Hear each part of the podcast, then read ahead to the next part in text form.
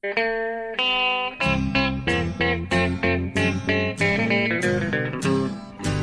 out there, we're on the air. It's hockey night tonight.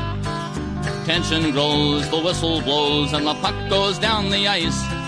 The goalie jumps and the players bump, and the fans all go insane. Someone roars, Bobby scores at the good old hockey game. Oh, the good old hockey game is the best game you can name. And the best game you can name is the good old hockey game. Hallå, hallå, hallå, hallå! Då är det faktiskt dags för den första NHL-podden den här säsongen när faktiskt säsongen är igång. Och det är fantastiskt gött. Avsnitt nummer 77, ett helt underbart nummer också. Det kommer vi komma in på senare. Men eh, nu måste jag hälsa välkommen från Las Vegas, Per Bjurman. God dag. Eller ja, god morgon snarare. Ja, det var, är eftermiddag här men eh, här går man upp eh, sent. Ja, just det. Det är så. Ja, just det. Vi, det är Las Vegas alltså, som sagt. Ja, jag har varit här på jobb och är kvar idag för ett annat jobb. Hade hoppats. Eh, verkar inte bli. Så nu kör vi eh, så nu kör vi podcast. eh, men jag kan ju berätta i alla fall att jag, gick, jag har åkt förbi eh, nya hockeyarenan. Ja. Eh, och den börjar bli klar alltså. Den ser för jäkla vacker ut. Ja, Det kommer att bli underbart när de spelar hockey här. Ja, alltså det är, man, man, ser, man har ju sett skissbilder och så vidare och eh, fått åka en sån här liten eh, cam som cirkulerar runt i bygget. Man ser att det är ju... Alltså eh, det kommer ju vara en av... Kanske ligans mest moderna arena när den blir klar. Plus att den ligger på The Strip. Fucking The Strip liksom. Det, kan inte, det kan inte bli Ja, mycket bättre. Mellan Monte Carlo och New York, New York om det säger någon lyssnare någonting. Kanske, kanske lite grann. Inte dig, du har aldrig varit här. Nej, eh, jag ska erkänna att jag är ingen stor eh, spelare på många plan. Nej, Det kändes inte så helt förvånande faktiskt. Nej, jag förstår det. Jag förstår det. Ja, jag, jag, mest deprimerande jag kan göra i mitt liv det är att gå in på mitt svenska spelkonto som fanns, faktiskt existerar och klicka, klicka på avgjorda spel. Jag tror det är så här 47-49 spel, det är bara nej överallt. Det finns ett ja, det är 58 spänn. Det- Ja, jag som sagt, jag är, av olika skäl är jag inte det minsta förvånad. Nej, Nej, jag förstår det. Men eh, hur du, eh, du, du har fått jobba lite åt nyhetsavdelningen och, du, och sådär. Men eh, du har hängt med på NHL-säsongen ändå? Sista dagarna? Ja, ja. Ja, det är klart. ja. Eh, framförallt har vi ju eh, jobbat med en Ja, eh, bilaga som kommer snart. Precis, jag är mäkta imponerad över hur eh, du har eh, lyckats hinna med allt detta. Inklusive alla, NHL-texter du har skrivit, liksom matchtexterna plus den här nyhetsgrejen som har kommit. Och Ja. Det är ju 100 sidor NHL-bibel som vi har trollat ihop här på kort tid. Framförallt du.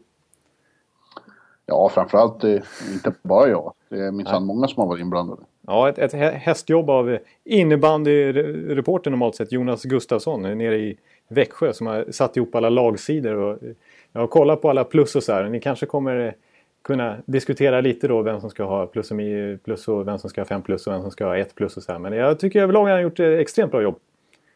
Så att, eh, Ja, vad roligt. mm, mm. Den, den kommer ja, i butik Den kommer om... Eh, 24 oktober. när? 24 oktober. Bra. Ja, det måste ju alla gå ut och köpa så att eh, den eh, lönar sig så vi får göra fler. Ja, precis. Så, så våran chefer högt upp säger att NHL är, är grejen. Precis, för de eh, läser naturligtvis inte Bibeln. Däremot kanske de tittar i, på hur kronorna och öronen den genererar. Det, det är Ja, det kan du vår- skriva upp att de gör. Exakt, så det, det är väl bra för våran NHL-bevakning. om den, om den, Ja, så gå nu, kära lyssnare, ringa in 24 oktober i almanackan och då går du ut och köper tidning. Ja, precis. Tack. Och, och vill man riktigt eh, så är, så är det faktiskt så att den går att förhandsbeställa. Det går att hitta någonstans på Aftonbladets startsida så finns det någon länk. eh, Så kan man få den i brevlådan ett, någon eller ett par dagar tidigare faktiskt, den 24 oktober till och med. Ja, Så att, mm. Nu har vi gjort en superreklam för den här. yes. Jag ser fram emot den också. Du får skicka en till mig. Ja, jag får skick- faktiskt då göra det. Det måste jag göra. Det, jag är sjukt spänd på hur sen den blir. Den, går, i- den åker till tryck i, på fredag. Så åker den iväg. Ja. Så det blir spännande. Men eh, ja, ja, ja, vi har faktiskt inte eh, planerat så mycket inför den här podden exakt vad vi ska ta upp. Men eh, det finns otroligt mycket trådar att- börja vid och spinna vidare på. Så att det känns som att vi, vi, vi utgår från eh, vår klassiska överraskningar och negativa överraskningar liksom, eh, grejen.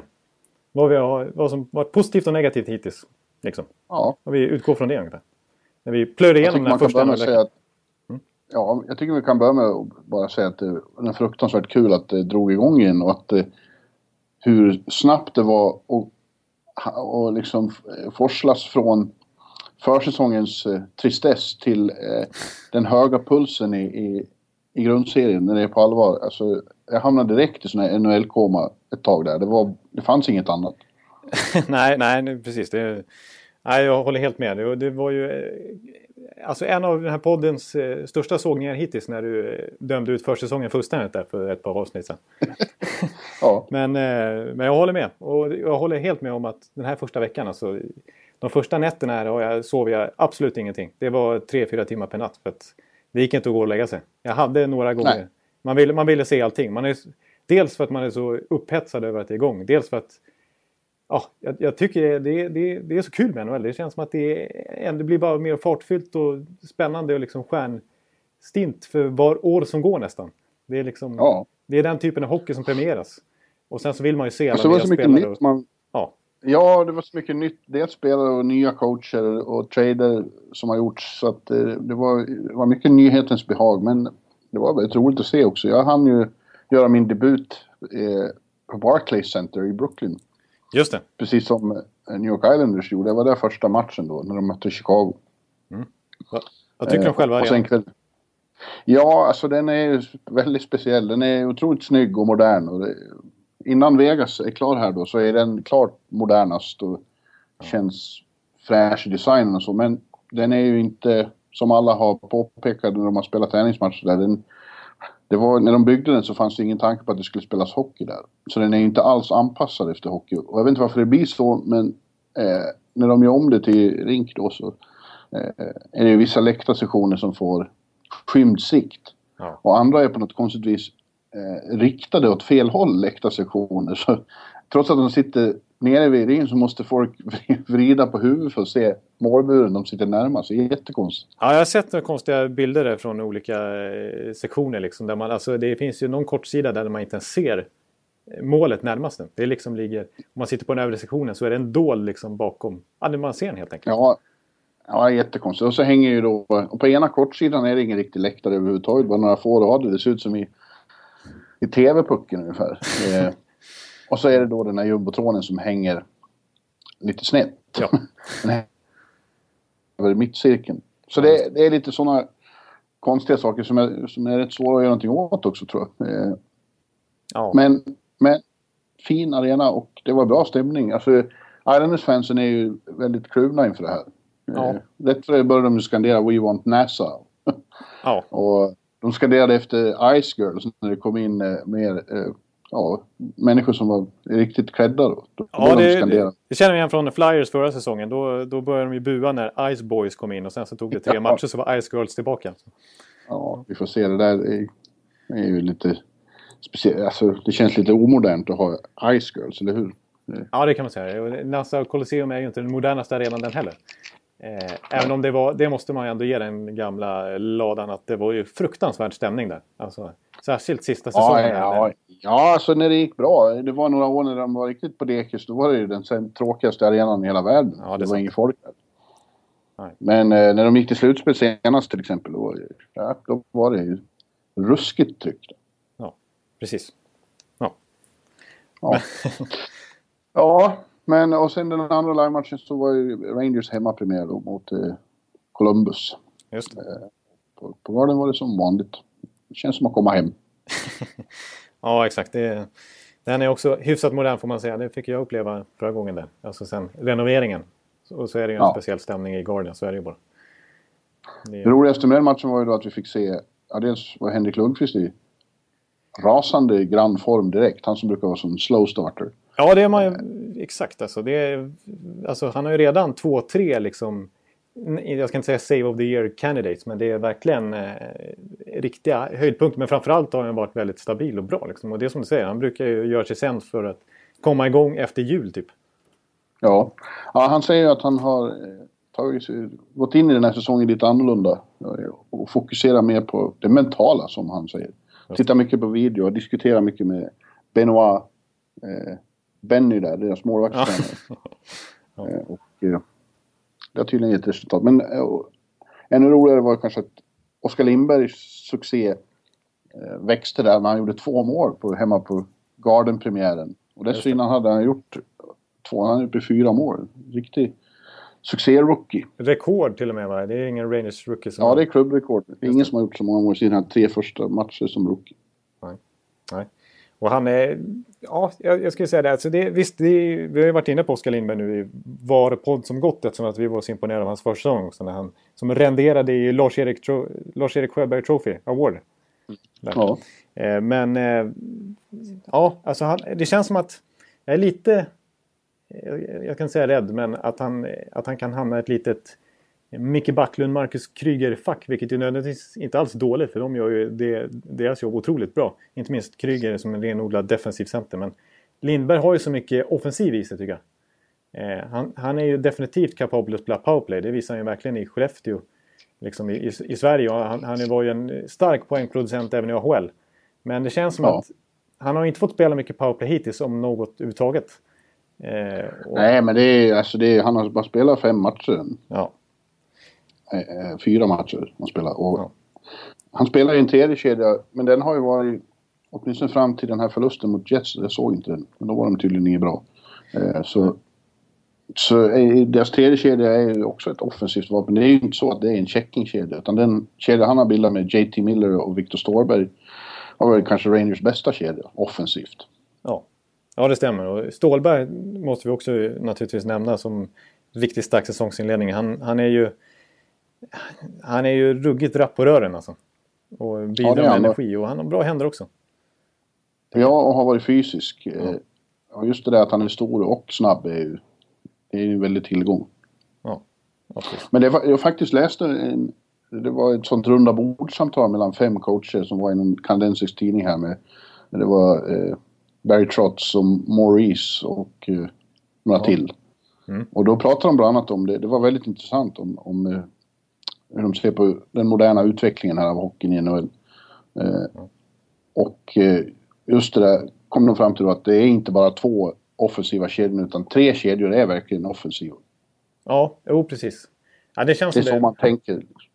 Ja, det, där, det är inte riktigt samma eh, struktur längre. Eh, Det, det, det, det är faktiskt en definitiv poäng där att man har två toppkedjor, en, en topp 6 på det viset och sen så bottom 6 är renodlat eh, defensiva. Det, det, och det ser man ju på topplagen att de har ju stark poängproduktion från alla kedjor. Ja, och det håller på att försvinna det där med att man alltid matchar sina... Eh, en fjärde kedja mot motståndarnas bästa kedja. Det, Ja. det, det är inte så det ser ut längre. Nej, Det är inte så enkelt. nej. Kanske att det kan bli lite mer så i, i slutspelet att man sätter upp renodlade defensiva kedjor som ändå är bra spelare. Alltså man tar, plockar ihop sina bästa defensiva och liksom matchar lite mer typiskt. Men Jag ska grund- skicka den där länken till dig. Gör det! Men kanske, du kan kanske skicka ut den på eh, eh, totalt sett så att eh, hela, hela eh, lyssnarskaran här kan få ta del, ta del av den. Men när vi ändå är inne på Oscar då som, som eh, rookie så kan vi väl eh, ta rookies överhuvudtaget. Det har Ja. varit mycket rookies i början här som det har handlat om. Det har varit precis, exakt. Fram, framförallt har det ju då handlat om Conor McDavid såklart. Draftettan som ska vara en generational talent och den största sen Crosby och rent av Gretzky är det somliga som har vågat säga. Men eh, karriären, eller NHL-karriären har väl inte startat med någon, med någon rivstart direkt. Nej, han har inte förmått att lyfta det här eh, Edmonton Oilers eh, haveriet till ett eh, liksom uppåt direkt. De har väl tre raka förluster direkt här. Ja, Och eh, han har väl bara en, ett mål som han gjorde här om natten. Eh, det är ju en väldig missräkning. Inte bara att han inte kanske skulle vara poängkung direkt, förstår man väl. Men att eh, Edmonton ser ut som Edmonton alltid har sett ut. Höll jag på att säga, de senaste, det senaste decenniet. Ja, nästan. Alltså, det, får man, eh, det, det, det är ingen, ingen, ingen tydlig uppryckning hittills tycker jag ändå. Eh, trots att det är McLellan som står i båset där och de har gjort lite, som man tyckte, bra värvningar och förstärkningar. Men hittills har de inte riktigt fått ihop det. Och McDavid har ju själv erkänt också att han är tagen lite av pressen.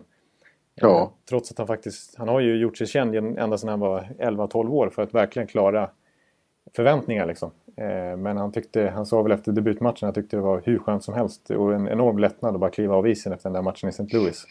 Ja. jag, jag, jag tycker att man ser, när man kollar liksom individuella prestationer på honom när han är inne på isen så ser man ju att det, finns extremt mycket hockey i honom. Han är grymt bra på att skydda pucken vid sargerna och hitta lösningar i trånga situationer. Men... Eh, ja, vi ska inte döma ut honom än nej. precis.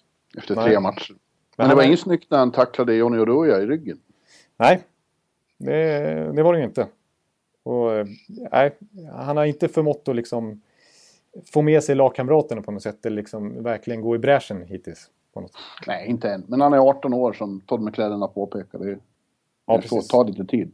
Ja, exakt. Och som, eh, det finns ju till exempel en sån som, som jag kan ta som ett nära exempel. Steven Stamkos var ju till och med petad första, eh, stundtals första halvan av sin debutkarriär efter att ha varit superhypad från att gå som nummer ett i draften. Så det, är, de, de, de, det vanligaste är ju inte att man går in och dominerar direkt. direkt Nej. Eh, eh, men eh, Anders Nilsson gjorde i alla fall en bra debut här mot just den där Dallas-matchen. Han hade väl 48 skott tror jag.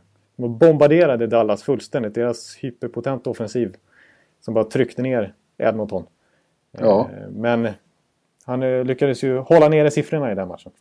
Inte ens Janmark lyckades ju mål. Nej. Mattias Janmark som ju också har börjat succéartat och i de två första matcherna gjorde mål i första bytet. Just det. Ja, ja precis. Det var lite som, som Lindberg där. De gjorde mål verkligen direkt i sina NHL-karriärer kan man säga. Ja. Eh, och Janmark, ja. Nej, det, man är imponerad av honom. Eh, verkligen. Alltså att, att, att, han går in så här från start och verkligen har blivit en viktig spelare för Dallas direkt. Ja. Alltså, jag vet inte vad jag ska säga. Det är, det är riktigt, riktigt bra. Jag tycker Dallas överhuvudtaget, vilken stark säsongstart. De, har, de, har pallat för, de som lag har pallat för det här lite favorittrycket de har nästan fått på sig. Ja, det är från mig. Ja, från dig Jag säger att de ska bli så bra. Och jag, jag håller fast vid att de känns som ett, en västversion av Tampa. Ja. ja. Fruktansvärt stark offensiv har de nu. Precis. Och där kan vi verkligen snacka om det du var inne på, som coacherna var inne på, att ha eh, att inte, inte identifiera vissa eh, två eh, liksom defensiva kedjor utan de kör ju all out attack på sina tre första kedjor. Ja. Jag menar Janmark är i tredje kedjan där. Eh, har väl hem, han spelar lite med Hemsky och alltså, alltså offensiva spelartyper. Rosell är ju en bra tvåvägsspelare, bra offensivt också. Alltså det, mm. det, och det, där har, det är som du säger, det är fart på det laget och det är fart på backarna också. Ja, vi ska komma tillbaka till lag, vi fortsätter gå igenom eh, rookiesarna. Mm. Och jag vill bara eh, säga då att den som jag tycker har imponerat mest förmodligen av de unga nya är Dylan Larkin i Detroit. Ja. Som ja. spelade collegehockey i fjol. Nu går in i första kedjan med Henrik Zetterberg och en på nytt född Justin Abdelkader. Ab ja, vad heter han? Äpfelstrudel brukar jag säga. Just det, just det. Just det. Ja. Ja. Han, du brukar... Abdelfucker tror jag du har sagt. Ja, jo, jo, jo. Ja, det sitter i sig sedan 2008. Det. Ja. Ja, men, eh, ja, den kedjan har ju varit en eh, riktig hit. För jag menar, Zetterberg har börjat säsongen med sju poäng på tre matcher. Ja, otroligt. Abdelkader har gjort hattrick och levererar i match efter match. Både med sitt fysiska spel som han är känd för men också med snack om att han har tagit kliv framåt offensivt i poängväg också. För han ser ut som en riktig sniper nu. Så att han leder poängligan. Det är så pass till och med att han leder? Ja. Sju poäng som sagt. Starkt. Ja, alltså Larkin, jag är superimponerad där av hans... Visst, man hade lite förväntningar på honom när han gjorde en så stark camp och det sades att han direkt skulle gå in i första kedjan. Eh, men han har ju... Jag har ju inte sett honom så mycket tidigare och nu är jag ruggigt imponerad av hans... Han är ju ganska stor i gestalt. Bra, välväxt och sådär. Eh, ja. Men har ju ett enormt driv i skridskoåkningen. Alltså han är som typiskt modern center som har det här gammaldags när man verkligen premierar storlek och så här, men som också har farten. Han är ju en fantastisk skridskoåkare. Han har allt så sätta när jag pratar med honom efter någon av de första matcherna. Ja. Äh, en jag är lite konstig jämförelse. Jag tror ingen annan har dragit den här parallellen så att jag, jag får väl vara lite ensam om den. Då. Men på något sätt känner jag att eh, för, eh, ja, farten kanske är skillnaden då, men också och mycket annat. Men på något sätt känns det som att eh, Patrik Berglund, när han var, har varit som bäst i sina unga år, när man såg stor potential i honom, så tyckte jag att han liknar lite Dylan Larkin. Alltså drivet och liksom eh, den här pondusen på isen och, och sjukt bra skott, sjukt bra spel på sin, sinne. Bra i defensiven också. Så här komplett, kändes som en modern center liksom som verkligen är på frammarsch. Men sen har ju inte Berglund lyckats få det här genombrottet ändå. Men, ja, men eh, Ja, väldigt rolig positiv överraskning ändå. Exakt. Och han, han, jag tror han fick mot Carolina där när de var rätt utspelade i Detroit så fick han hoppa in i, i en annan kedja med Pulkinen tror jag. Då gjorde ju Pulkinen två baljor. Ja. Då, då levererar han. Han är inte beroende av sin omgivning på det viset heller så att säga. Så att, eh, ja, jag håller med. Va, mm. Om vi går vidare. Eh, vi behöver inte gå in på alla men det är eh, Jack Eichel, Max Domi och eh, Robbie Fabry har ju också haft eh, bra starter. Ja, för Fabrys del är det synd att han har lågt på en hjärnskakning nu och är borta. Men han... Och det här, var det igår det? När jag satt på demokratisk debatt? Just det, nej, jag har missat. Nej, måndag, tisdag var jag rätt borta från det här. Ja, precis. Ja, jag tror att det var i någon av helgmatcherna, alltså att skadedomen kom först några dagar senare. Han gjorde ju mål i sin första match och det var ju lite speciellt då, för det var mot Edmonton och han och McDavid är bästa polare.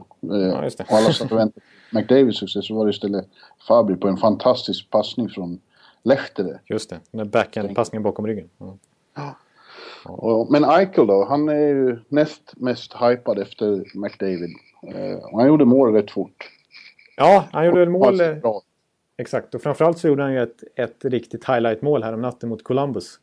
När han eh, på lite foppa-baner återvann pucken i defensiv zon. Skrinade, skrinade upp, jag tror det var min favorit Boone Jenner faktiskt vann en duell mot. Ja. Och eh, började om vid blålinjen, tog ny fart, kom ner liksom längs vänstersidan och hade skottläge fast från dålig vinkel och så bara snärtade han upp den stenhårt upp i högerkrysset. Och Bobrovski hann knappt reagera. Det, det, var verkligen sån där äh, mål ja. som, som definierar lite eh, hypen kring honom. Liksom. Eh, för att eh, Jack Eichel, det har ju snackats om att eh, vissa Eichel-anhängare har ju sagt att han är mer NHL-redo än Conor McDavid. Och på ett sätt, nu, nu är det lätt att bedöma efter tre matcher när han har gjort två baljor på det viset han har, han har levererat dem också. Men Eichel ser ju ruggigt bra ut måste jag säga. Och en sak som jag också är positivt överraskad med Eichel är att folk har gnällt lite på hans skridskoåkning. Att den inte ska vara top notch liksom. Att den inte riktigt håller samma klass som eh, spelsinnet. Men, men eh, man har ju sett i dueller till exempel mot den där Boone Jenner att han liksom bara flyger fram på skridskorna. Så att, eh, mm. ja, ja, ja, eh, nej, Jack Eichel är definitivt eh, en möjlig Calder, Calder Trophy-vinnare här faktiskt. Ja, ja, nu ska vi... Nu ska vi... Sakta i backarna. ja, precis. Det är 79 matcher kvar. Ja, och jag, jag drar redan slutsatsen här. Jag tror att Dylan Larkin vinner om vi nu ska... Nu ska vi ja, han har ju... sådana växlar. Exakt. Ja, Larkin har ju levererat ännu mer poäng hittills och har verkligen hittat rätt omgivning också. Men du, låt oss då gå in på lagen. Så inte det här mm. blir för långrandigt, Jonathan. Nej. eh, och vi kan väl börja med positiva överraskningar. Och vi nämnde ju ett Detroit eh, har ju överraskat, tycker jag har varit en... Eh, ja. Ja, en eh, revelation. Eller vad man säger. Ja. tre, tre vinster, tre matcher och spelar riktigt bra. Eh, Larkin, ja. Zetterberg, Apfelstrudel som du sa där. Den kedjan har ju varit väldigt bra. Den kedjan har varit kanske den... Ja, man kan nog säga att det har varit den bästa kedjan hittills. Det är väl bara att slå fast nästan den första veckan. De har varit extremt bra faktiskt. Eh, ja. Kompletterar ju varandra perfekt. Eh, men eh, jag måste ändå säga i övrigt att jag...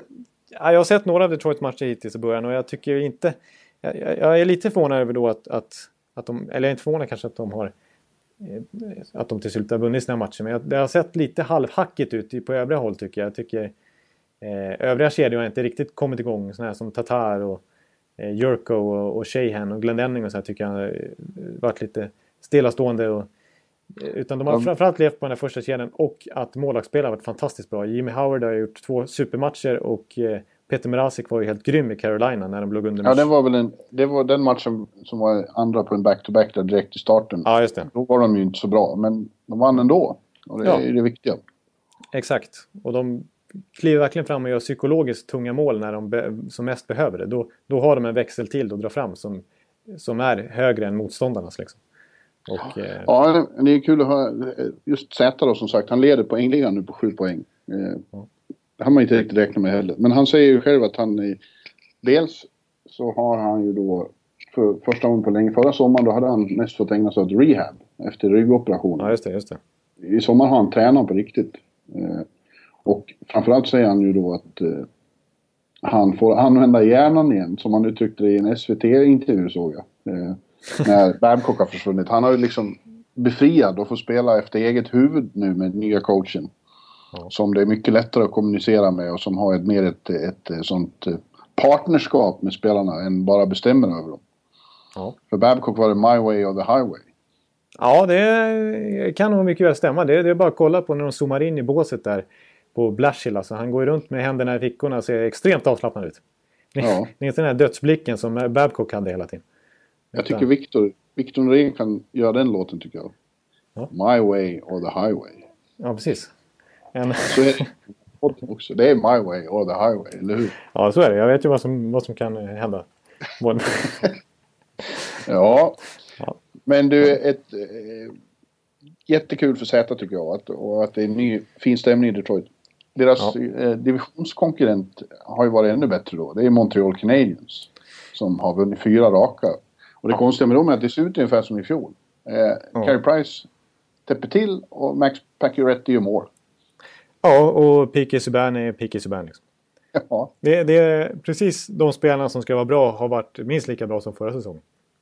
Och eh, det, det går liksom inte att underskatta Montreal när de har de där tre killarna. Framförallt inte Care Price. Men, alltså för det, det, det känns som att det är lite, råder lite oenighet inför säsongen i alla fall. Att liksom hur, Montreal, vissa hade dem utanför slutspel. Att man, man, är inte så extremt imponerad när man tittar på pappret på resten av lagbygget. Liksom. Det ser framförallt lite, fortfarande lite impotent ut offensivt med tanke på att de har fällts av just det när de, när de väl kommer långt i slutspel de senaste åren.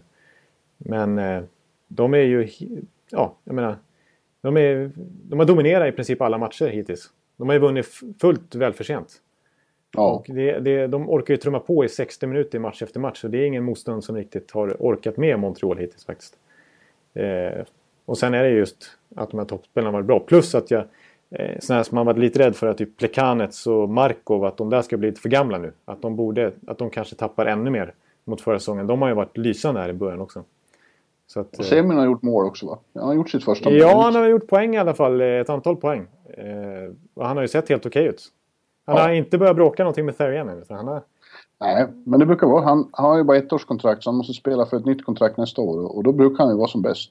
Ja, han har, det, det är bara att kolla på statistiken. Då har, han, då har han sina bästa säsonger faktiskt. När han har varit på kontraktsår. Det är ju en klassiker det där. Ja. Och han har funkat bra med Galchenyuk som ju är center nu den här säsongen. Eh, och som också har gjort lite poäng inledningsvis. Så att, ja. ja. Montreal är... Ja, det måste jag bara nämna att förutom Price, alltså de har ju så långt ifrån målvaktsproblem det kan, det kan komma. För nu är den här Mike Condon som, som jag knappt hade koll på faktiskt inför säsongen. Som ju konkurrerade ut Tokarski där på campen. Ja, jag som trodde Tokarski var som framtidsnamn men nu är han ute ur bilden. Nu är han ute ur bilden och nu har han kanske inte så lätt att ens vara första keeper i AHL-laget där för nu har ju Zach Fucali kommit upp och Zach Fucali är alltså Kanadas JVM-målvakt de två senaste åren. En, ja. en, en av Kanadas absolut, kanske den största målvaktstalangen de har just i den generationen. De kan inte ha så här mycket bra målvakter, då måste Nej. de ju börja trada dem. Eller ja. det är ju bra, bra att ha det. Det är bra djup om Price skulle gå sönder. Och man såg ju när Condon fick stå mot Ottawa. Ja. Så, eh, så var ju faktiskt, han släppte ju bara ett mål och det var Montreal som dominerade den matchen också. Det var PK och Pacioretty och hela gänget som, som tröttade ut eh, Ottawa faktiskt. Så jag, de lever ju faktiskt inte bara på Price. Man kan inte dra, dras med den klyschan hela tiden faktiskt. Utan det ser bra ut i Montreal, det är inget snack om det. De skulle behöva lite fler målskyttar. Ja lite mer utspritt. Eh. det, det, det, det kommer ändå vara orosmolnet. För de kommer gå till slutspel. Det kan man ju, efter den här starten ja, så är det ju bara. Det, det ser ju minst lika bra ut som förra året. Eh, men eh, det, det, känns som att det finns stor risk att det blir samma problem. När det väl blir livsviktiga matcher där i omgång två, omgång tre. Liksom. Ja, om vi ska fortsätta med positiva överraskningar då får vi flytta till Western Conference för där har det varit betydligt fler. ja. Och jag tycker kanske den största då, correct me if I'm wrong, är San Jose Sharks.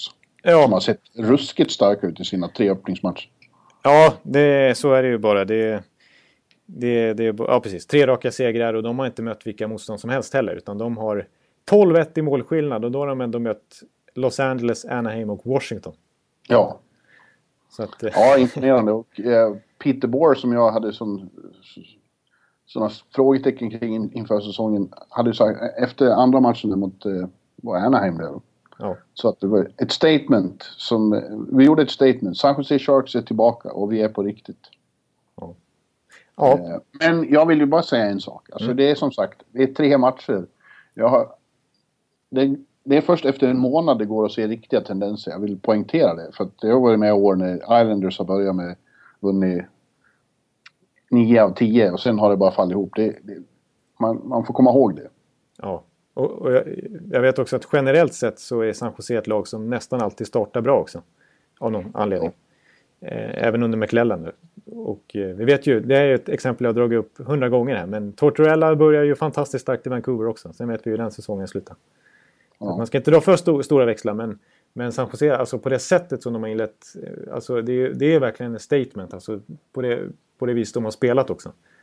Eh, Ja, verkligen. Det har varit med sån jävla kraft och, och, och fart.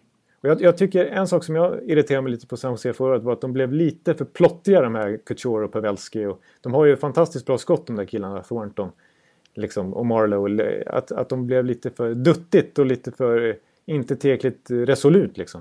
Men nu har de ju bara bombarderat eh, skott. Jag menar de hade väl... Hade de, jag tror de hade över 40 skott mot Anaheim till exempel. Eh, och de har haft långt över 30 i alla matcher hittills. Och liksom, alltså verkligen dominerat matcherna och gått på mål och tryckt sig in mot kassorna och liksom blivit ostoppbara på något vis. Ja. Att, eh, och, sen, och sen så är det ju, dels har de här killarna som vi snackade om levererar som måste göra det. Som jag redan nämnde där. Men sen har ju även sådana som hade lite mellansäsonger i fjol. Har ju, haft, har ju varit riktigt bra i år. Typ Hertel som man hoppas mycket på. Nieto, Ja, Fearney, min favorit Tommy Wingles. precis. Eh, Ja, det blir inte lätt för Melker Karlsson att ta en plats här nu. Nej, precis. Han som fått börja här i AHL. Det det är inte bara att kliva in och eh, peta någon av de här killarna. För jag tycker, man kollar på bredden så ser det ju... Ser det ju alltså jag menar, nu, nu när de har, i alla fall den här starten de har haft så, så är det ju, det är ju rätt bra spelare på pappret. Alltså, Jonas Donsko är intressant också, den finländaren som på något sätt blev Melker Karlssons ersättare lite grann kan man säga. Som Ja. har fått spela med Pavelski och Thornton och som visserligen inte öst in poäng direkt hittills men som har sett bra ut faktiskt och kommit till många lägen och så. så att, eh, ja, jag tycker... Och sen så en, en som vi måste nämna där också, det är ju Martin Jones som bara släppt ett mål hittills. Ja, det han har var- han. Han var ett stort frågetecken för mig och man kan ju säga att om man jämför honom med Jonathan Quick så är det lite skillnad hittills. Ja, vi ska komma till det sen. Ja. Men visst, det har ju varit så. Är han, är han redo för att vara första målvakt och kan ta, ta på sig det. Det är samma sak där. Det är bara tre matcher. Det är när det blir ett maraton man får svar på den frågan. Men det, det är ju skönt för honom att börja på det sättet. Exakt. Jag, jag tycker han är på något sätt lite lik Holtby. Att det här med lugnet han sprider, att han ser så totalt eh, som att han är ute på en eh, söndagspromenad när det är avblåsning. Liksom. Att, Förlåt mig.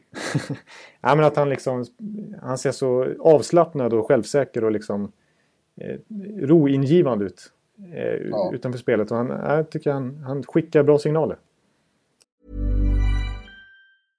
Hey, I'm Ryan Reynolds. At Mint Mobile, we like to do the opposite of what Big Wireless does. They charge you a lot, we charge you a little. So naturally, when they announced they'd be raising their prices due to inflation, we decided to deflate our prices due to not hating you. That's right. We're cutting the price of Mint Unlimited from $30 a month to just $15 a month. Give it a try at mintmobile.com slash switch. $45 upfront for three months plus taxes and fees. Promo rate for new customers for limited time. Unlimited more than 40 gigabytes per month. Slows. Full terms at mintmobile.com. Faktiskt. Bra signaler folk som har skickat även i Vancouver. Har öppnat bättre än jag trodde. Arizona, inte minst. Nej, vi måste prata om dem också. Jag tycker... Ja, Ja. Vancouver eh, eh, såg, ser på pappret ut som att eh, de skulle vara på väg tillbaka. Men eh, ja, jag pratade med Daniel Sedin efter första matchen där. Och han, eh, han säger att det, det känns bättre än på många år just för att de har fått in så unga killar. Och det är bara bra att folk inte tror på dem eller har någon riktig koll på dem. För då kan de överraska. Eh, och det har de väl gjort. Ja, det får man säga. För att man har ju eh, båda två av oss, och jag tror hela den enade liksom NHL-skaran som sitter utanför och förstår sig på saker och ting. Har väl eh, Ja. känt att Vancouver kommer ta ett steg tillbaka i år och missa slutspel. Att det, de har liksom inte... Nej, det, och det har varit mycket oprövade spelare som de har slängt in nu med Jared McCann och Virtanen och så som de hoppas mycket på. Eh, men eh, det har ju sett riktigt bra ut. På något sätt tycker jag, om man ska dra en liknelse med dem så tycker jag att Willie Desjardins har fått ihop gruppen riktigt bra, tycker jag det ser ut som i deras matcher. Det är lite likt Winnipeg och Calgary förra säsongen, liksom, att de som kollektiv fungerar riktigt bra. Alltså ja. att de köper sina roller och att de verkligen jobbar hårt och att de ser pigga ut i tredje perioden också. Liksom. Det är, att de verkligen... Ja, de, de jobbar som lag, som en enhet. Ja. Och eh, de, här, de, här, alltså de som jag nämnde, Virtanen och McCann och Horvath som kom in redan i fjol. Alltså, visst, det är unga talangfulla spelare, men det, de är också kända för att vara hårt jobbande spelare. Liksom. Det är ju lite den typen. Det är ju inga eh, David Pasternak-talanger på det viset, utan det är, det är hårt jobbande nordamerikaner liksom. Och... Eh, ja, alltså, och så tvillingarna som fortfarande är i... Eh, mm. De har börjat bra. De är, har haft, säger de också, en bra sommar med bra träning och de har ju sett jäk, jäkligt pigga ut här i starten av sin femtonde NHL-säsong. Ja, de är uppe i 15 säsonger. Ja. ja. ja, de har sett jättebra ut. De har verkligen eh, öppnat starkt. Eh, och det är ju direkt nödvändigt för Vancouver. Och det gör ju att de samtidigt... Det är lite, alltså, att de inte heller kan gå in i en hundraprocentig rebuild för att de sitter på för bra spelare i form av Sedinarna. Liksom. Ja, ja, min bild var ju först att det är de som kommer att hålla dem flytande så de slipper ner i så här de hemska resor Calgary och Edmonton har behövt göra. Ja. Eh, men nu, just nu känns det mer som att det har varit en väldigt snabb och effektiv rebuild i steget eh, bakom dem, så att säga. Ja. ja. Och jag tycker att, eh, precis, jag tycker en sån, alltså att jag gillar ju Willie Desjardins också som ju var kung som AHL-coach där när han ledde Texas Stars till Calder Cup för några år sedan. Som, som är bra på att jobba med unga spelare, som är så bra, bra lagcoach också på att få till harmonin i gruppen. Och det, det verkar som att de är harmoniska nu. Ja. Eh, och jag, jag, ska stanna lite kort bara där vid Horvath också, som är imponerad av att han är så fokuserad kille. Han är ju grym på teckningar och så här. Jag har eh, sett mig också att han är väldigt så här... Han, alltså inför matcher så, så vill han ha extra liksom videoanalys på centrarna han ska teka mot och sånt där. För att han vill veta allt om sina motståndare. Han är extremt minutiöst intresserad av varje match på förhand också. Hur, hur han ska agera och sådär.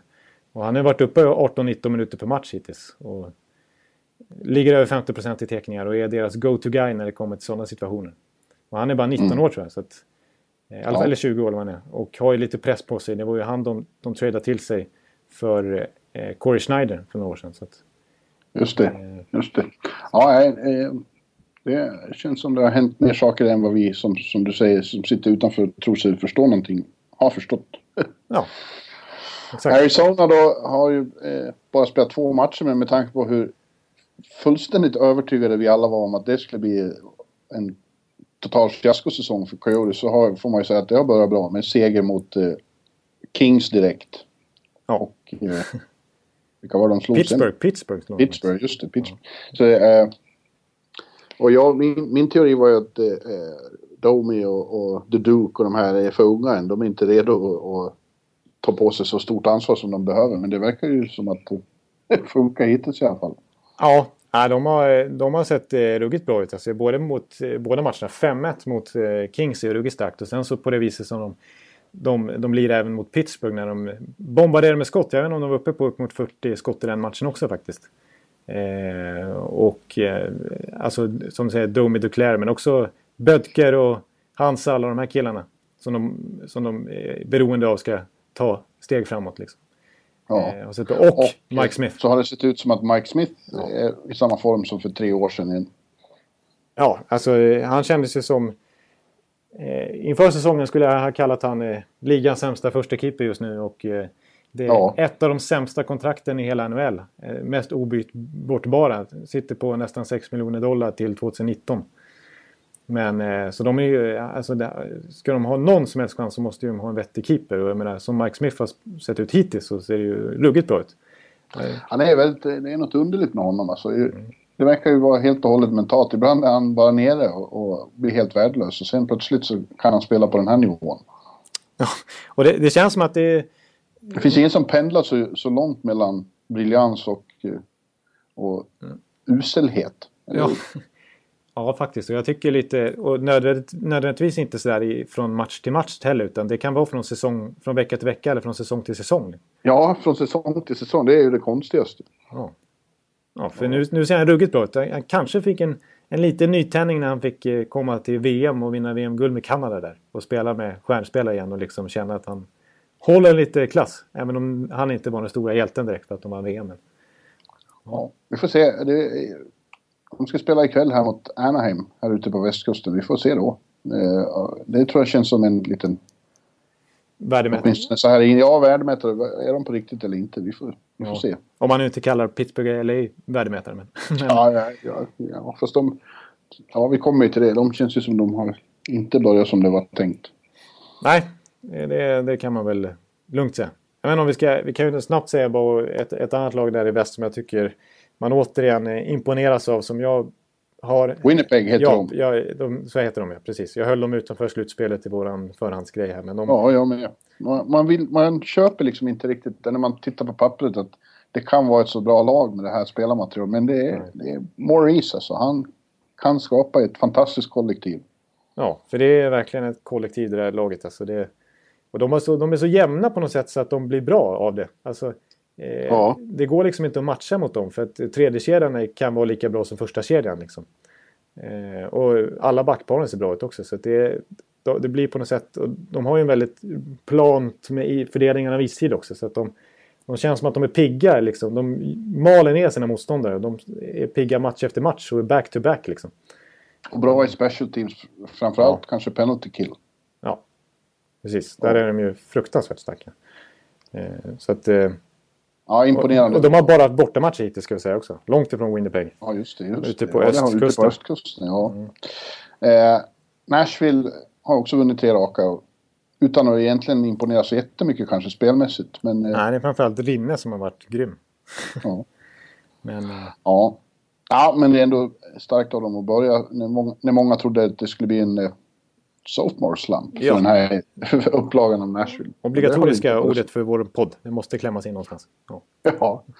Men det, låt oss istället prata negativa överraskningar. Och, ja. Eh, du var ju inne på en där. Los Angeles Kings har ju vilket, eh, vilken katastrofstart. Ja, ruggigt eh, uselt alltså. De har ju knappt gjort mål hittills också. Nej. Eh, på något sätt så det är inte, det blir inte svårt att dra parallellen till att de har störts av allt det här off-season eh, av sidan som, som, har varit liksom kring dem. Allt surr som inte handlat om hockey utan som handlat om negativa rubriker. Ja. Eh, men... Jag tror det är ännu, en ännu större grej som... Känslan var ju redan i fjol att, att eh, magin mellan nyckelspelarna och herr Sutter. Mm. den relationen knakar lite och det känns ju som det har fortsatt göra. Alltså om det en, två matcher till och det går så här, då börjar ju det så att sitta löst rimligen. Ja, ja det, det håller jag definitivt med om. Det känns som att han på något sätt att eh, det inte biter på spelarna längre, hans, hans ledarstil liksom. Utan tvärtom att de nästan jobb, jobbar emot honom, det gör de ju inte men att det får en motsatt effekt. För på något sätt, alltså det är ju bara att kolla på, på hur det ser ut. Det ser för dåligt ut. Alltså det, det är liksom inte bara att de... Alltså Columbus tycker jag, och Pittsburgh som vi kommer att prata om, har ju positiva tendenser i spelet. Men LA King som hemmamatchen i natt mot Vancouver skjuter 15 skott mot Vancouver på hemmaplan. Det är ju katastrof. Efter den här starten dessutom. Så att, eh, och eh, det är mycket negativt. Milan Lucic blev petad från första kedjan och haft matchstraff och grejer hittills och fått en katastrofal start i sin Kings-karriär. Och de här unga spelarna som eh, vann Calder Cup har ju inte heller sett övertygande ut hittills. Det är liksom ingenting som har stämt för dem. Och Jonathan Quick har inte varit speciellt bra heller och backsidan ser ju tunn ut. Det är konstigt med Quick att han känns... Han känns så oengagerad. Ja, precis. Han är verkligen en slutspelskeeper. Han måste det måste stå jättemycket på spel för att han ska, för att han ska brinna liksom. Annars på något sätt eh, tänder han inte till. Så det är konstigt. Eh, ja.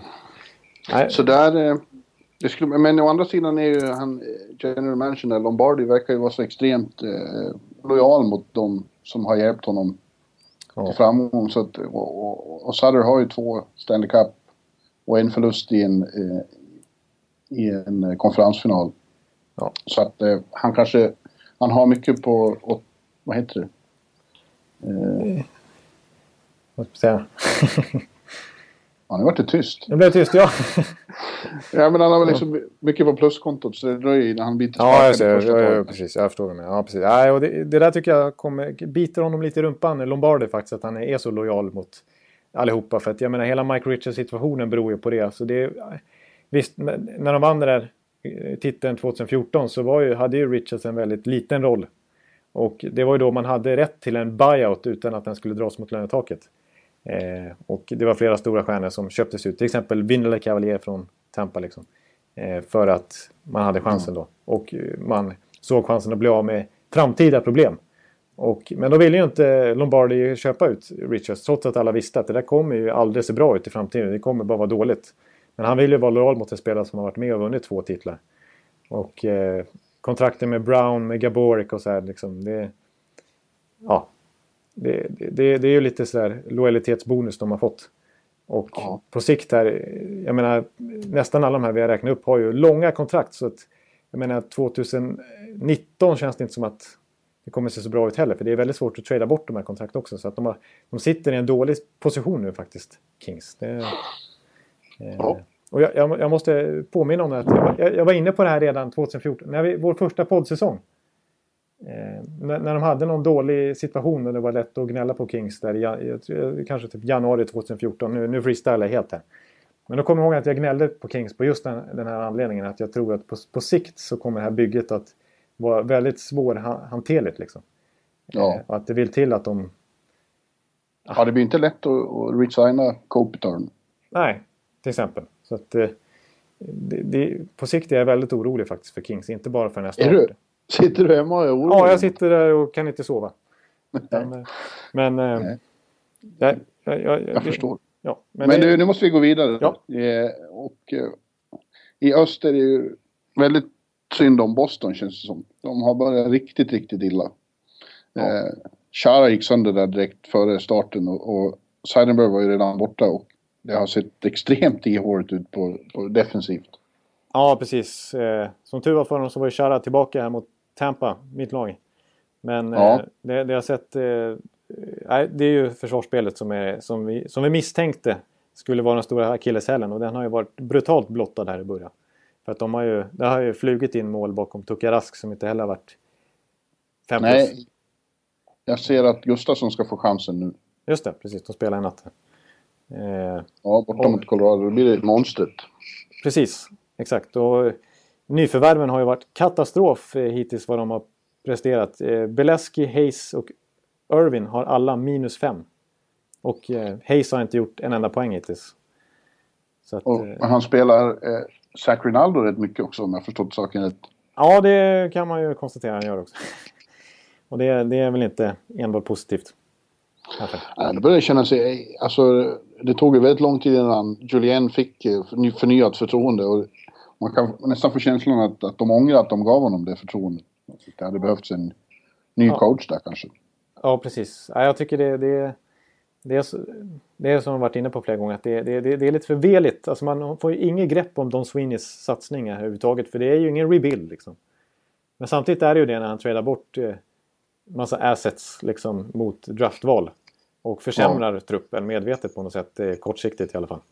Och man tradar bort sin, sin absolut bästa back i, i, på sikt i alla fall i Doggy Hamilton. Som, ja, eh, mot draftval liksom. Det är, Ja, det, det, Och så känslan är ju lite på att, att de har lyckats eh, förstöra den här fina lagmaskinen för egen hand. ja, de har monterat den själva, ner den själva. Liksom. Ja, Eh, utan att riktigt, visst de hade en svår cap-situation. De har också varit lite i den här Chicago-grejen. men de har inte alls lyckats lösa det. Liksom. Eh, och... Eh, nej, jag, jag, ja, och det är som du säger, den här Julien-situationen känns också märklig. Att, att, att det dröjde så otroligt länge innan de fattade ett beslut om de skulle ha kvar den eller inte. Och sen så på något sätt försvann McLellan och Babcock och så från bilden. Och då, äh, då kör vi med Julien då. Eh, Ja. det, det, det, är, det är inget hundraprocentigt förtroende från ledningen som han har heller. Det tror jag smittar av sig på spelarna. Liksom, att, de, att de vet inte riktigt vad Boston Bruins framtidsvision är. Och, eh, och då, då vill jag ändå säga att jag tycker att eh, menar, Krejci har ju börjat jättebra med fem poäng hittills. Och deras powerplay var ju grymt mot Tampa Bay med Torrey Krug och Lou Eriksson som gjorde två mål. Offensiven tycker jag, eh, de här gamla pålitliga spelarna, Bergeron och gänget, har, har sett bra ut. Pasternak börjar bra också. Men, ja, Pasternak, där har de i alla fall framtid. Exakt, ja. Jag, tycker, jag måste ändå säga att jag är också väldigt förtjust i Torrey Krug som offensiv back. Alltså, vilket spelsinne han har. Och grym PP-quarterback liksom. Men, Gammal Lundqvist dödare. Han brukar alltid göra mål på Henrik Lundqvist. Ja, just det. Just det precis. Men du, jag, jag såg ju du, du satt och twittrade under Boston, Tampa och du var ju förtvivlad. Trodde, det lät på dig som att det var över efter halva matchen. Och att det, ja. Tampa skulle få stryk mot sin gamla svåraste fiende. Ja. Men det, så blev det inte. Nej, precis. Så det var... Jag tyckte att, att, de, att de såg bra ut, Boston, i, inte minst första perioden. Då kom de ut med energi, med liksom determination att vända på det här och faktiskt... De kan inte inleda säsongen med tre raka hemmatorskar liksom. Det går inte. Eh, och fick utdelning också, vilket var skönt för dem. Men sen när det började liksom rassla in lite enkla mål där så blev det på något sätt som att eh, nu åker tåget igen för dem. Man såg på dem att de blev rädda ja. och liksom att det var, det var inte svårt att liksom spräcka den där ballongen. Liksom. Och i tredje Nej. perioden var det ju ren, eh, alltså vissa perioder var det lite lekstuga för Tampa. Jag, jag, jag insåg direkt att man skulle inte dra så stora växlar av, av Tampas fina spel den sista perioden för att det var bara att kolla på motståndet. Det var, det var inte, det var, det var riktigt dålig moral på något sätt på Boston i den sista perioden tycker jag. På hemmaplan liksom och, och bli så pass eh, och vara så pass chanslösa som de var då tycker jag. Efter att ha börjat matchen så bra och faktiskt tryckt ner Tampa ganska ordentligt. Så att, det, det, finns inget, det, det, det, är inget kollektiv det här laget just nu. Till skillnad från till exempel Vancouver. Och, så eh, och, det, och framförallt är ju deras stora problem är ju försvarsspelet. Det är, det är ju där det grundar sig liksom. ja. Att, ja. Har du. Det, det, det, är inget kul. Det har inte varit något kul för de som håller på Pittsburgh heller.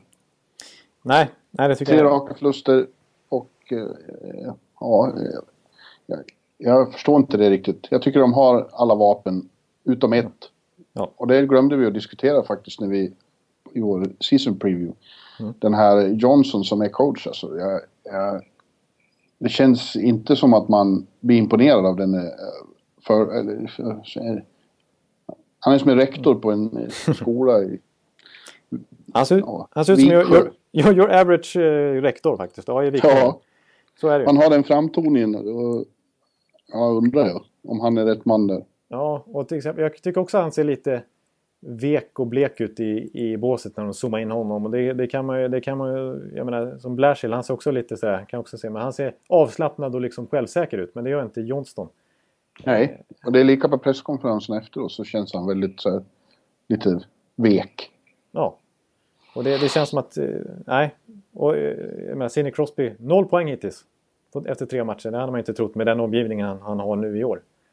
Nej. Eh, och, ja, alltså jag, jag har inte sett alla Pittsburghs matcher hittills. Jag såg framförallt den mot Arizona. Eh, och eh, då tycker jag ändå att man ser ju vilken extrem potential de har liksom offensivt. Att de skapar ju enorma chanser. De har haft lite otur att de har mött extremt för kvällen skickliga målvakter i match efter match. Jag menar Antiniemi stod ju verkligen på huvudet i premiären där. Och Care Price var ju inte dålig här om natten heller. Och Mike Smith som vi redan varit inne på. Så att, eh, men eh, eh så, liksom, offensiven är jag ändå inte rädd för trots att de har haft jättesvårt att göra mål och inte haft produktion från sina viktiga spelare. En sån som Plotnikov har ju verkligen inte kommit igång heller. Och Hörnqvist väl, är väl nollad hittills också. Eh, men... Eh, ja, och sen är det väl det här med... Eh, generellt tycker jag väl lite grann att de lag som har misslyckats hittills, de har problem på backsidan.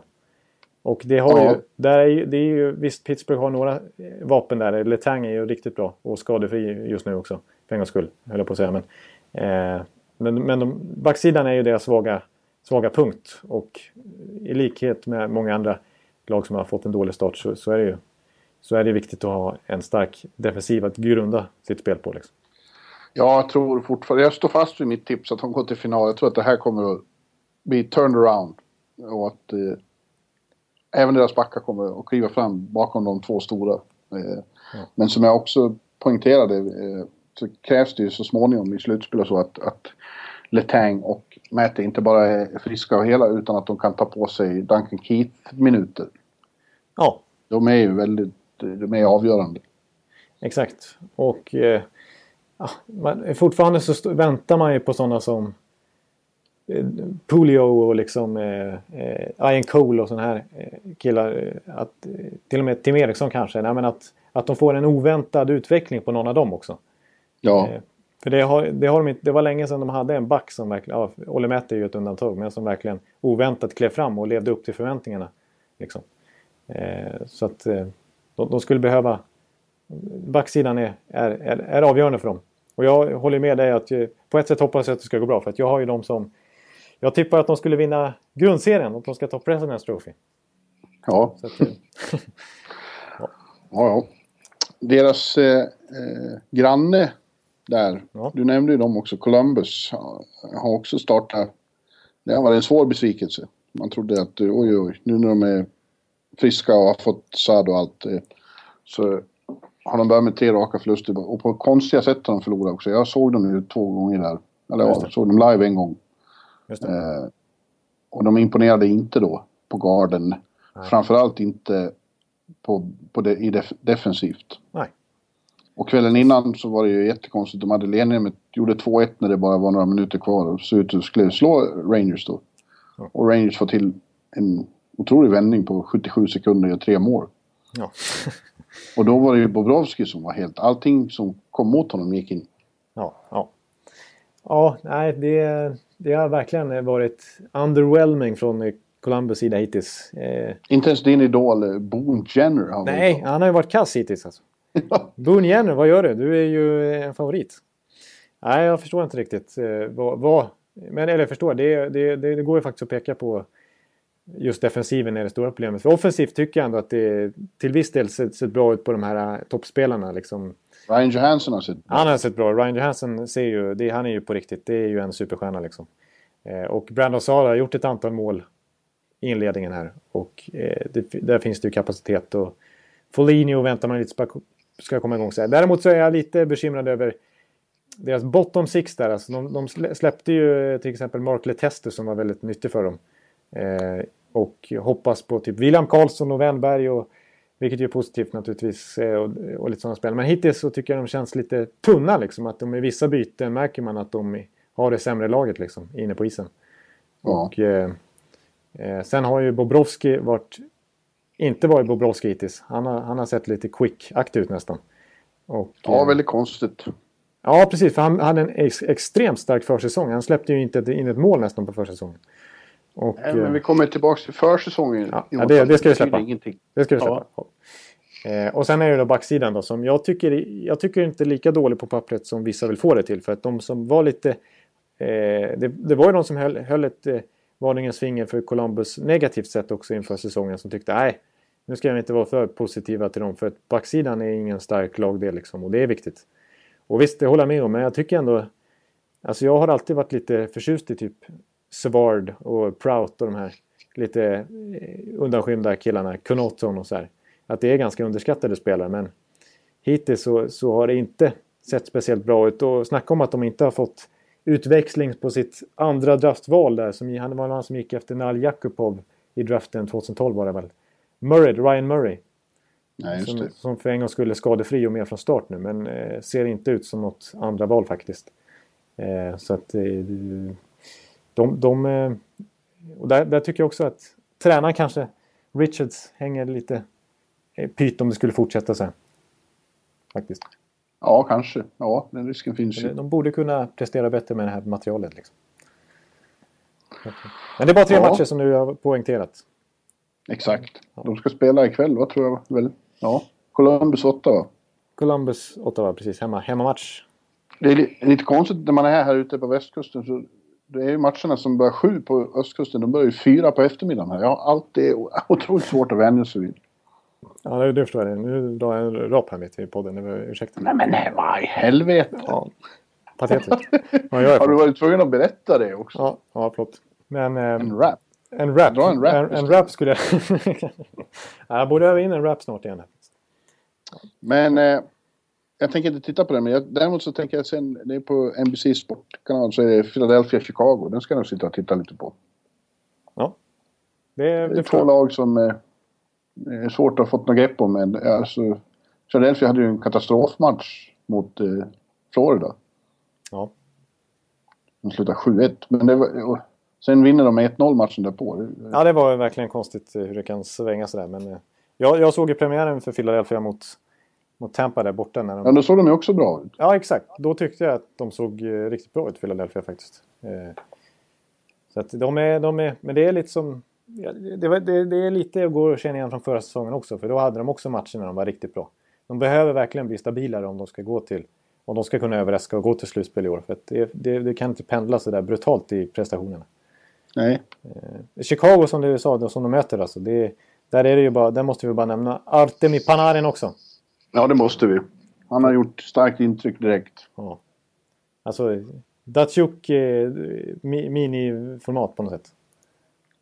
Ja, en väldigt underhållande personlighet har man redan förstått. Både på och utanför isen. Han, han ser lite grann ut som en eh, barnsligare variant om det nu är möjligt. Nej, nu var jag hård. Men han är, på något sätt är en lite så här rockstjärna. Lite Victor Norén på honom tycker jag. ja, ja, ja, Det får du ta med Victor. Ja. Vi ska väl göra en Victor-podd sen. Ja, precis. Victor ska ju komma tillbaks. Så är det bara. Att, eh, Han är glad när Jagger håller på att spara ut eh, hockeyfrillan igen. Ja, det förstår jag. Det, Jagger är ju shit, 63 år och levererar ändå så här mycket poäng direkt. Det är imponerande. Ja, han, är, han är den enda vid sidan av Gordie Howe i hela NHL-historien som har gjort mål inom ett spann av 25 år. Han har inte spelat i NHL alla de 25 åren, men eh, han debuterade för 25 år sedan och har, har alltså gjort mål eh, under ett eh, kvarts sekel. Ja, det, det, är helt, helt, helt sjukt. Alltså. Ja. ja. Helt sjuk snubbe.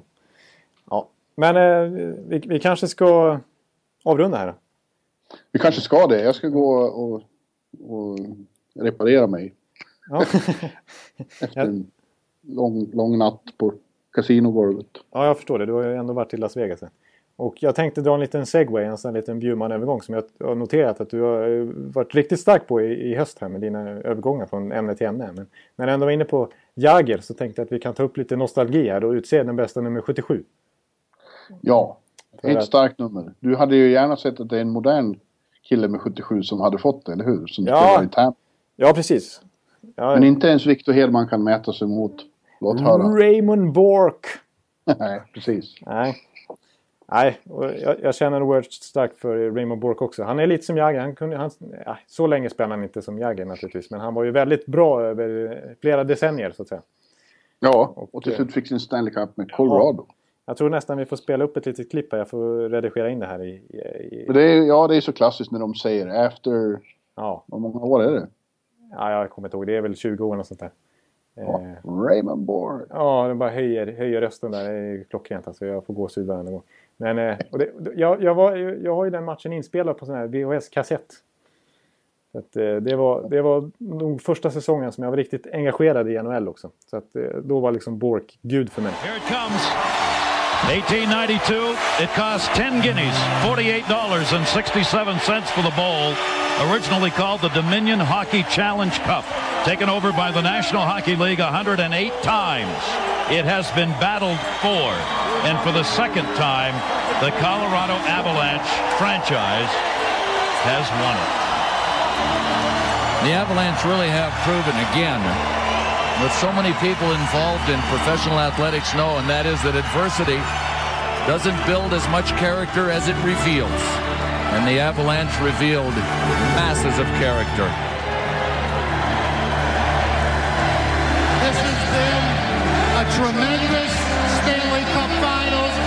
Should start by congratulating the Devils for defending the Cup so gallantly.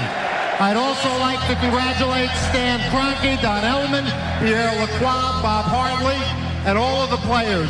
This is the most magnificent trophy in sports and the hardest to win, particularly when you have to go through the defending champion. Congratulations to the Avalanche on a remarkable season. You saw Sakic go over to Pat to Ray There's one player who's waited a long time to hoist this. Joe Sakic, come get the cup so he and the rest of your teammates can hoist. Joe Sakic will come out to receive it as captain.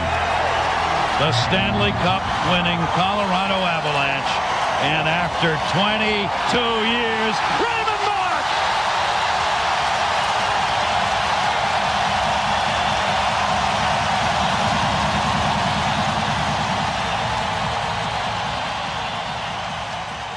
Ja, jag, jag, kan acceptera att han är den bästa nummer 77 genom tiderna. Och Victor Hedman har ju uttalat valt nummer 77 efter sin gamla idol som är just Raymond Bork. Så att, eh, There you go. Ja, men du Jonathan, ska jag betyder det här att jag måste spela på 7 på rouletten ikväll? ja, det betyder 77 går in, men jag lägger två marker på 7. Två marker på 7 så är, har du ju... Då, är- då är du miljonär här i- imorgon. Det ser jag fram emot, för det är jag inte nu. Okej, ja. ja. Nej, men... Eh, vi, jag, jag känner mig ganska självsäker på det faktiskt.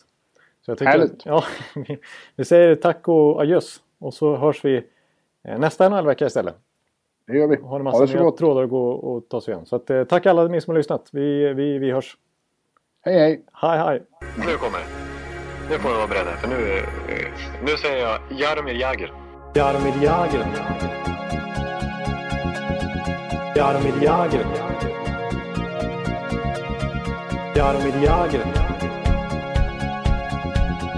ਯਾਰ ਮੇਰੀ ਆ ਗਿਆ ਯਾਰ ਮੇਰੀ ਆ ਗਿਆ ਯਾਰ ਮੇਰੀ ਆ ਗਿਆ ਯਾਰ ਮੇਰੀ ਆ ਗਿਆ ਯਾਰ ਮੇਰੀ ਆ ਗਿਆ Han har varit bra överallt han har varit. Han har varit älskad av lagkamraterna, av fansen, av journalister. Han är en av de bästa man kan ha att göra med på alla sätt och vis.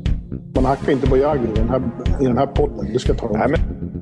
Ja, vad, vad, vad säger du om hans eh, val att skriva på för Philadelphia? En av mina absoluta favoriter som du fan inte får hacka på. Jaromir Jagr. En legendar och ledare och rutinerad. Jaromir Jagr. Jaromir Jagr. En legendar och ledare och rutinerad. Jaromir Jagr. Jaromir Jagr.